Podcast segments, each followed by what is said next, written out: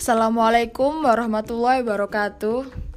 Halo Rek, ya apa kabare? Wis kangen toh karo suara peneleh Surabaya Podcast. Saiki wis rilis neh episode sing kaping papat. Wis penasaran pora? Yuk langsung dirungokno bareng-bareng di Spotify kesayangan kalian.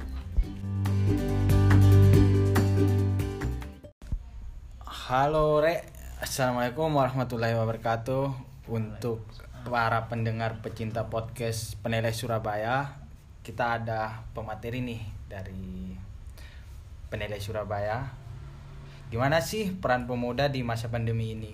Ah, Untuk Mas Sikif, apa kabar Mas? Alhamdulillah, saya baik-baik saja. Oh, Alhamdulillah Mas Gimana Mas eh, kabar sekarang ini? Eh, dari kemarin kan ada kendala apa gitu? Oh, saya rasa kendala saya ini sebagaimana keadaan Anda. Anda baik nggak? Alhamdulillah juga baik. sih. Kalau Anda baik, berarti saya juga baik, betul. Iya. Jadi gimana nih Mas menurut eh, definisi pemuda di sekarang ini? Indonesia Pemuda ya. Eh, kita berbicara masalah pemuda, jadi secara definitif mungkin ya.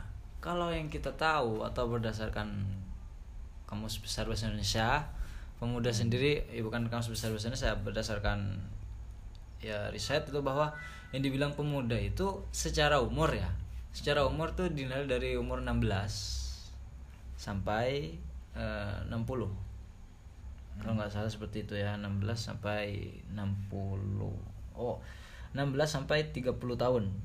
Yakni orang yang dalam perkem- dalam masa perkembangan atau pertumbuhan tapi kalau menurut saya sendiri ya jangan sekedar hanya hanya terkait umur bahwa umur belum tentu melihat kapasitas mentalnya itu masih muda atau enggak. Makanya ada istilah darah muda kan? Oh, iya. Darah muda itu bisa dipakai siapa pun. Ketika walaupun orangnya sudah tua kayak kakek tapi mempunyai jiwa ataupun semangat darah muda ya masalah umur itu bukan jadi bukan jadi apa itu Patokannya. patokan antara pemuda yang penting pemuda itu mempunyai sifat ataupun jiwa yang menggebu-gebu semangat seperti itu Ya. Kalau untuk ini Mas eh, peran pemuda di masa pandemi ini gimana ini menurut Mas Sikif? Eh, dari pergerakan dan atau segala macam yang ada di masa-masa pandemi sekarang ini gimana menurut sudut Hmm. pandang Mas Sikif gitu? Ya, kalau kita melihat realitas sosial, realitas sosial yang sangat terlihat sekarang kan yakni persebaran COVID-19, coronavirus disease 19 ya kan. Dan itu berdampak ke semua realitas. Adanya corona ya berbagai keputusan ataupun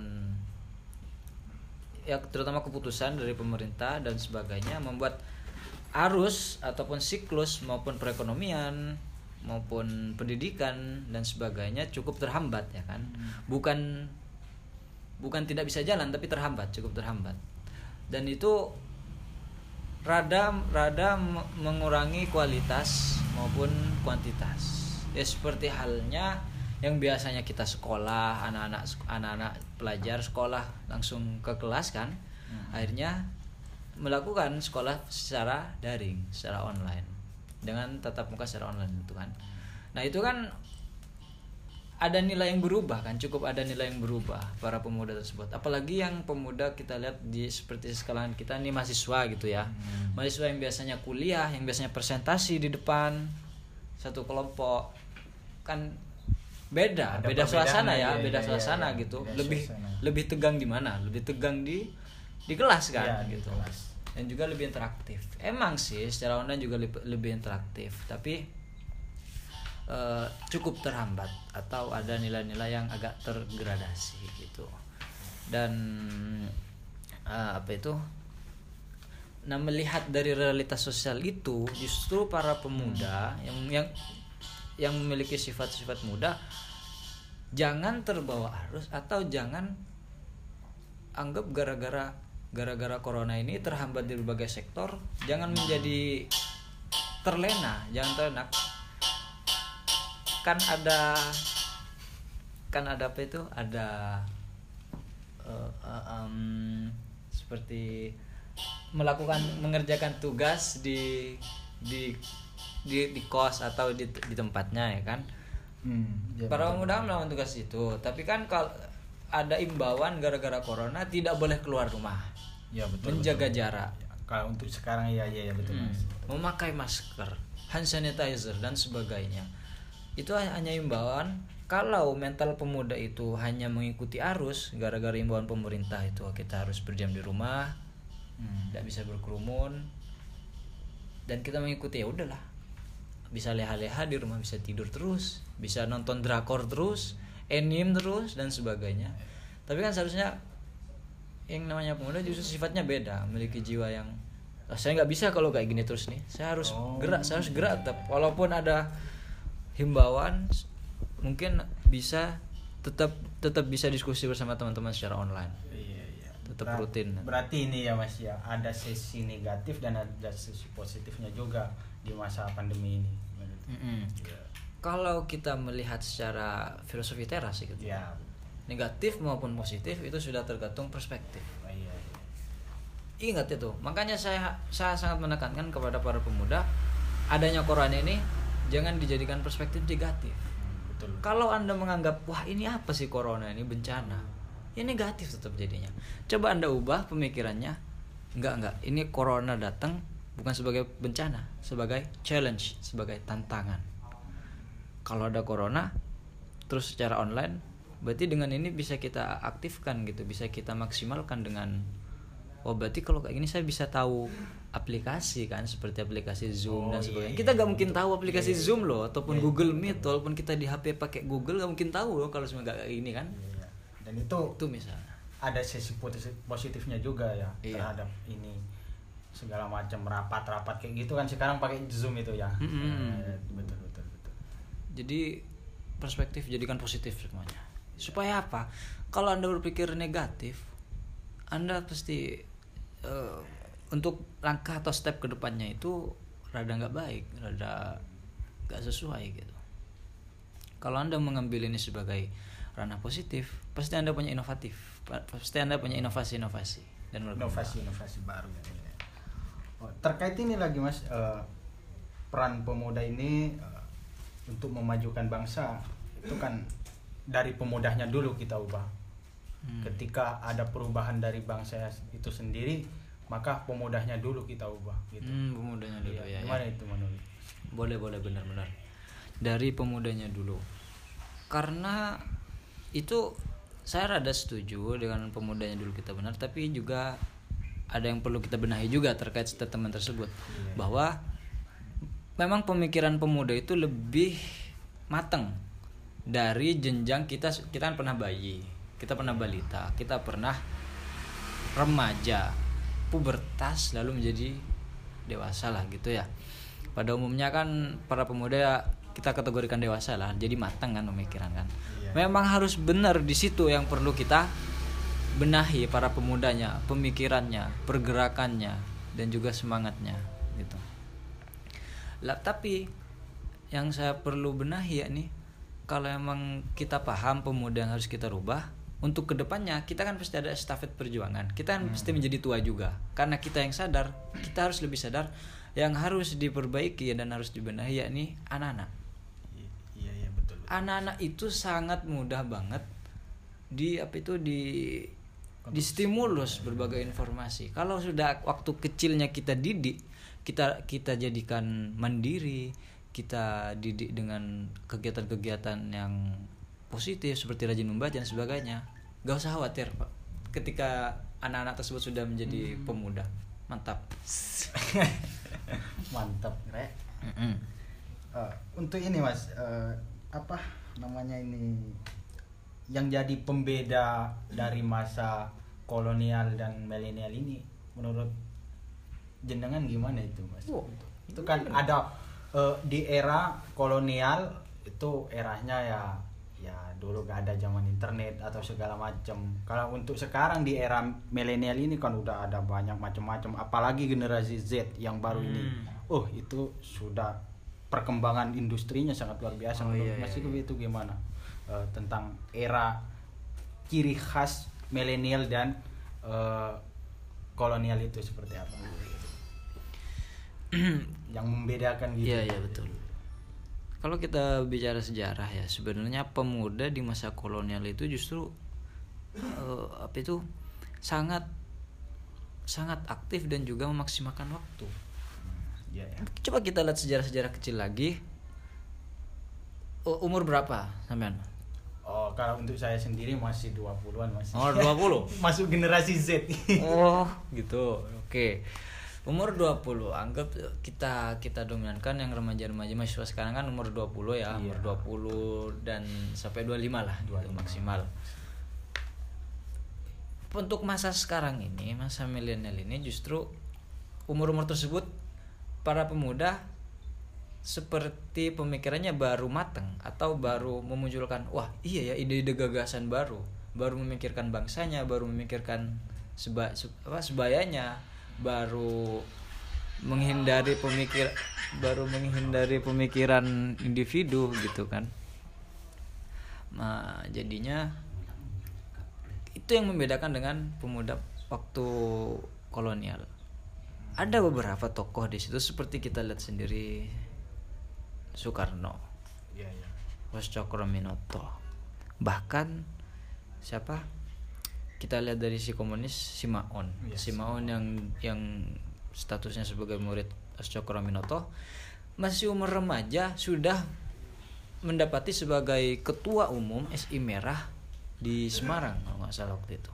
Dan itu umurnya masih di bawah 20 sekitar umur li- 16 atau 17 seperti itu. Bayangkan 17 tahun belasan tahun para pemuda waktu kolonial mampu untuk menggerakkan dunia.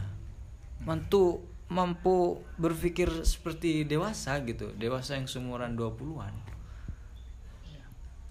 Nah, coba kita analisis kenapa kok bisa gitu? Mungkin karena dulu waktu masa kolonial itu ada tantangan. Tantangannya itu koloni, koloni. Kan ada tekanan kan penjajah. Iya, iya. Otomatis orang-orang tersebut harus saya harus bisa bergerak, saya harus bisa melawan. Nah, itu ya- itu perbedaannya. Kalau sekarang untuk masa untuk masa milenial. Ya justru yang menjadi penjajahan itu bukan koloni lagi koloninya bersifat modern seperti gadget gadgetnya aja Iya, iya, lah. kita sudah ini bukan bukan penjajahan secara langsung ya secara tidak langsung. Kita main game terus kita dan sebagainya. Akhirnya waktu terbuang akhirnya kita nggak bisa baca buku dan sebagainya. Itu yang perlu kita sadari untuk pemuda milenial sekarang. Iya betul mas. Soalnya di berbagai warkop atau segala macam itu sekarang realitasnya yang ada itu pemuda-pemuda sekarang lebih mementingkan game gamenya gitu. Eh, Mhm. Dia eh, untuk masa produktifnya itu lebih ke game gitu. iya betul anda main game juga Kebetulan saya sudah tobat. Oh, ya coba gak tobat saya mabar. kan iya iya iya betul betul betul ya untuk ini mas lagi apa apa namanya Hmm, seperti eh, di masa era sekarang ini kan banyak lah pemuda-pemuda itu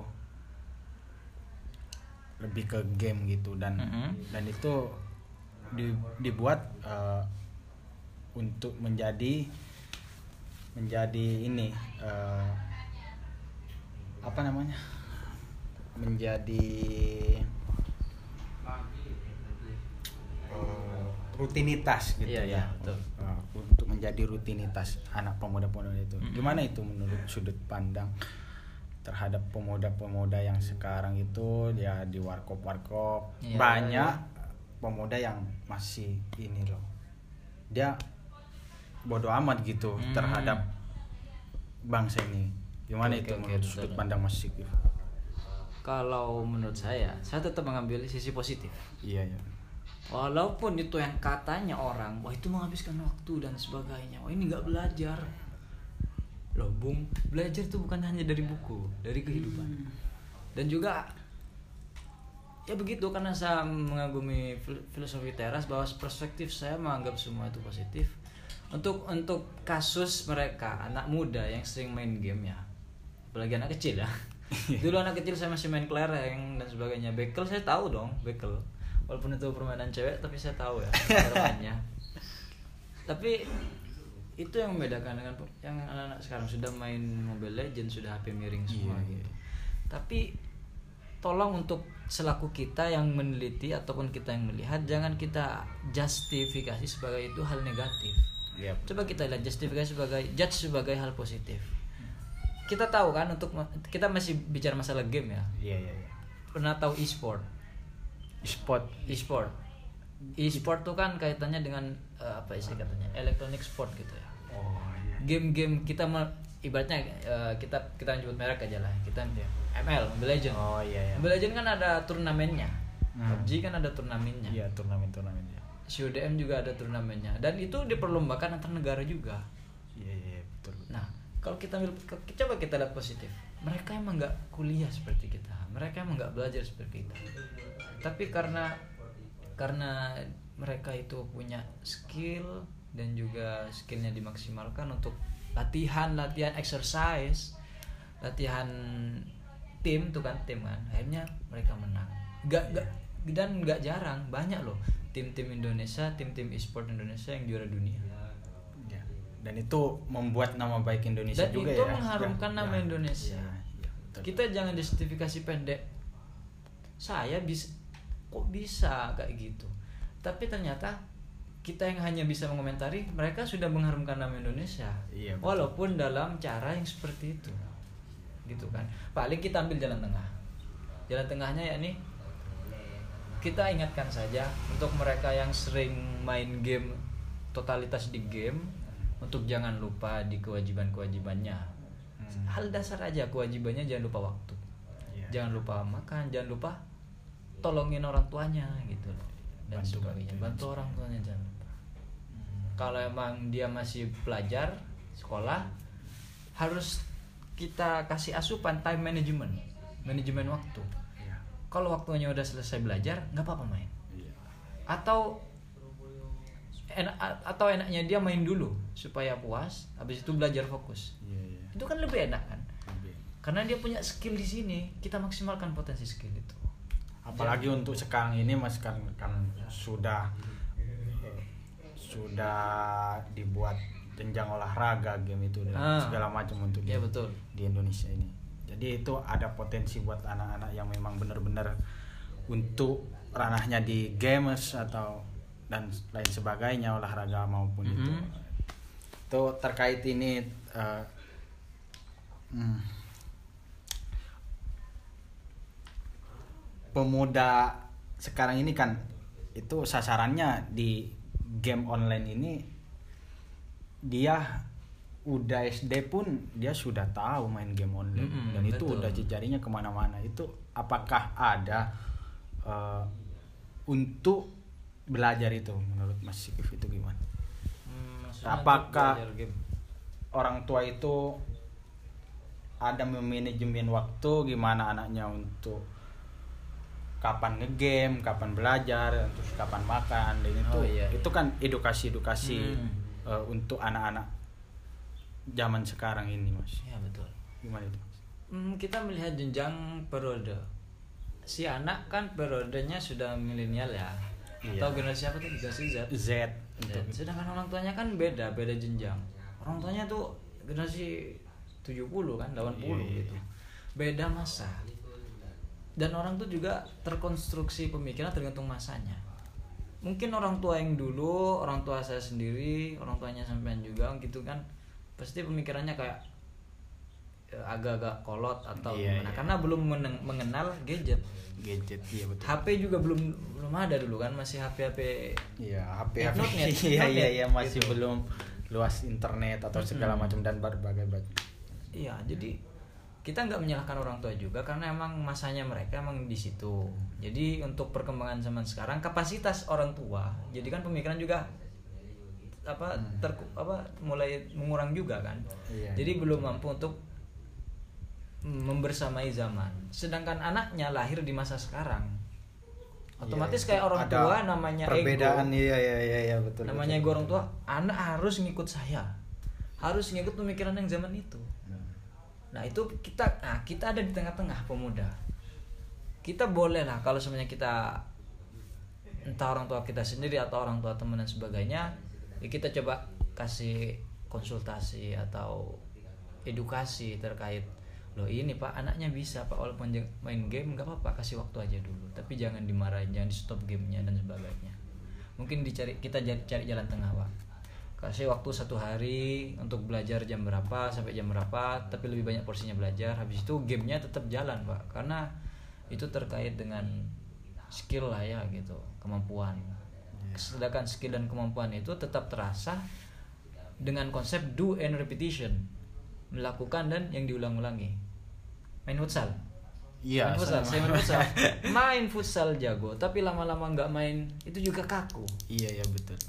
ya kan makanya itu gunanya konsep do and repetition terkait skill dan juga terkait sinkretisme antara pemikiran yang tua dengan yang muda Berarti untuk masa sekarang ini eh, kita berpikir positif aja lah. Mm-mm. Cari titik tengahnya. cari titik tengah Iya, betul betul. kalau istilahnya itu ya ummatan wasatan Walikulli ja'alnakum ummatan wasatan litakuna. Itu sudah ayat Quran ya. Oh, sampai ngebahas ayat Quran ya. bahkan ayat Quran sendiri yang sudah beribu-ribu tahun yang lalu sudah mengatakan dan kami jadikan kalian ini ummatan wasatan ummah yang menengah. Dalam arti menengah ya kita tarik kita tafsirkan bahwa menengah ya bahwa kita tidak boleh terlalu kanan tidak boleh terlalu kiri. Kita menengah. Dan kita boleh kita di, di sisi mana pun tapi tapi usahakan kita di sisi tengah yakni menyatukan mereka menyatukan pemikiran yang berbeda dan kita ambil positif Oke. itu peran pemuda yang perlu perlu banget untuk sekarang Oh. Ini teman-teman jadi sangat luar biasa penjelasan dari Mas Sikif tentang peran pemuda ini. Eh, Nah, untuk sekarang ini gimana Mas Sikif eh, untuk melangkah ke depan ini? nah untuk langkah depan Iya. saya Iya ya. maksudnya saya atau Mas Sikif sebagai pemuda. Oh, pemuda. Ya menyesuaikan dengan kondisi sosial dan juga kondisi apa yang dibutuhkan masyarakat gitu ya. Kalau kalau kayak saya, saya saya sendiri kan baru fresh graduate tuh istilahnya ya baru lulus. Walaupun lulusnya online gitu kayak enak banget. Itu gimana Mas? skripsinya skripsi bimbingan skripsi dan ujian skripsinya online tuh nggak apa-apa enak. Tapi tolong sudah jangan gitu. Iya, iya. tapi tetap aja takdirnya. Online ya ya udahlah gitu. Jadi kayak saya menyelesaikan. Saya selaku muda fresh graduate. Jadi apa yang sudah saya amal eh, sudah saya dapatkan dalam perkuliahan saya harus mengamalkan itu terutama sangat banget apa alhamdulillah banget mendapat kesempatan pendidikan gitu kan kuliah. Walaupun saya belum mendapatkan kerjaan tapi secara pemikiran saya dapatkan dalam kuliah itu. Lebih matang dari fase saya waktu SMP SMA SMA dan dan juga kuliah saya lebih alhamdulillah lah, lebih bisa sadar dengan pemikiran saya sendiri gitu. Dan juga melihat realitas sosial. Iya. di situ pentingnya untuk fresh graduate. Dan saya sendiri untuk selanjutnya ya doakan semoga saya bisa melanjutkan ke Amin. Jenjang jenjang berikutnya ya, kuliah Pak. Iya, iya. S2 Amin. dan juga amin. nyambi nyambi kerja gitu ya. Mungkin ini ya teman-teman dari penjelasan Mas Sikif tentang peran pemuda di masa pandemi ini. Iya, iya. Yang saya simpulkan itu kita sebagai uh, orang yang sadar itu? Mungkin dari saya sendiri udah cukup sih. Mas. Itu ya untuk terkait pemuda dan sebagainya. Iya, iya. Tadi itu sangat-sangat baik banget Mhm. era-era sekarang ini. Oke teman-teman untuk pendengar podcast yang setia eh, dengerin podcast Peneleh Surabaya. Suara peneleh. Suara Peneleh. Terima kasih kepada teman-teman yang setia. Oke Mas Sikif, terima kasih Mas Sikif. Oke, terima kasih juga Mas Aziz yang, ter- yang saya cintai. Wow. Oke teman-teman bisa didengar nanti di podcast Suara Peneleh Surabaya. Oke, saya pamit dulu dari podcast Peneleh Surabaya. Assalamualaikum warahmatullahi wabarakatuh. Assalamualaikum warahmatullahi wabarakatuh. Siap.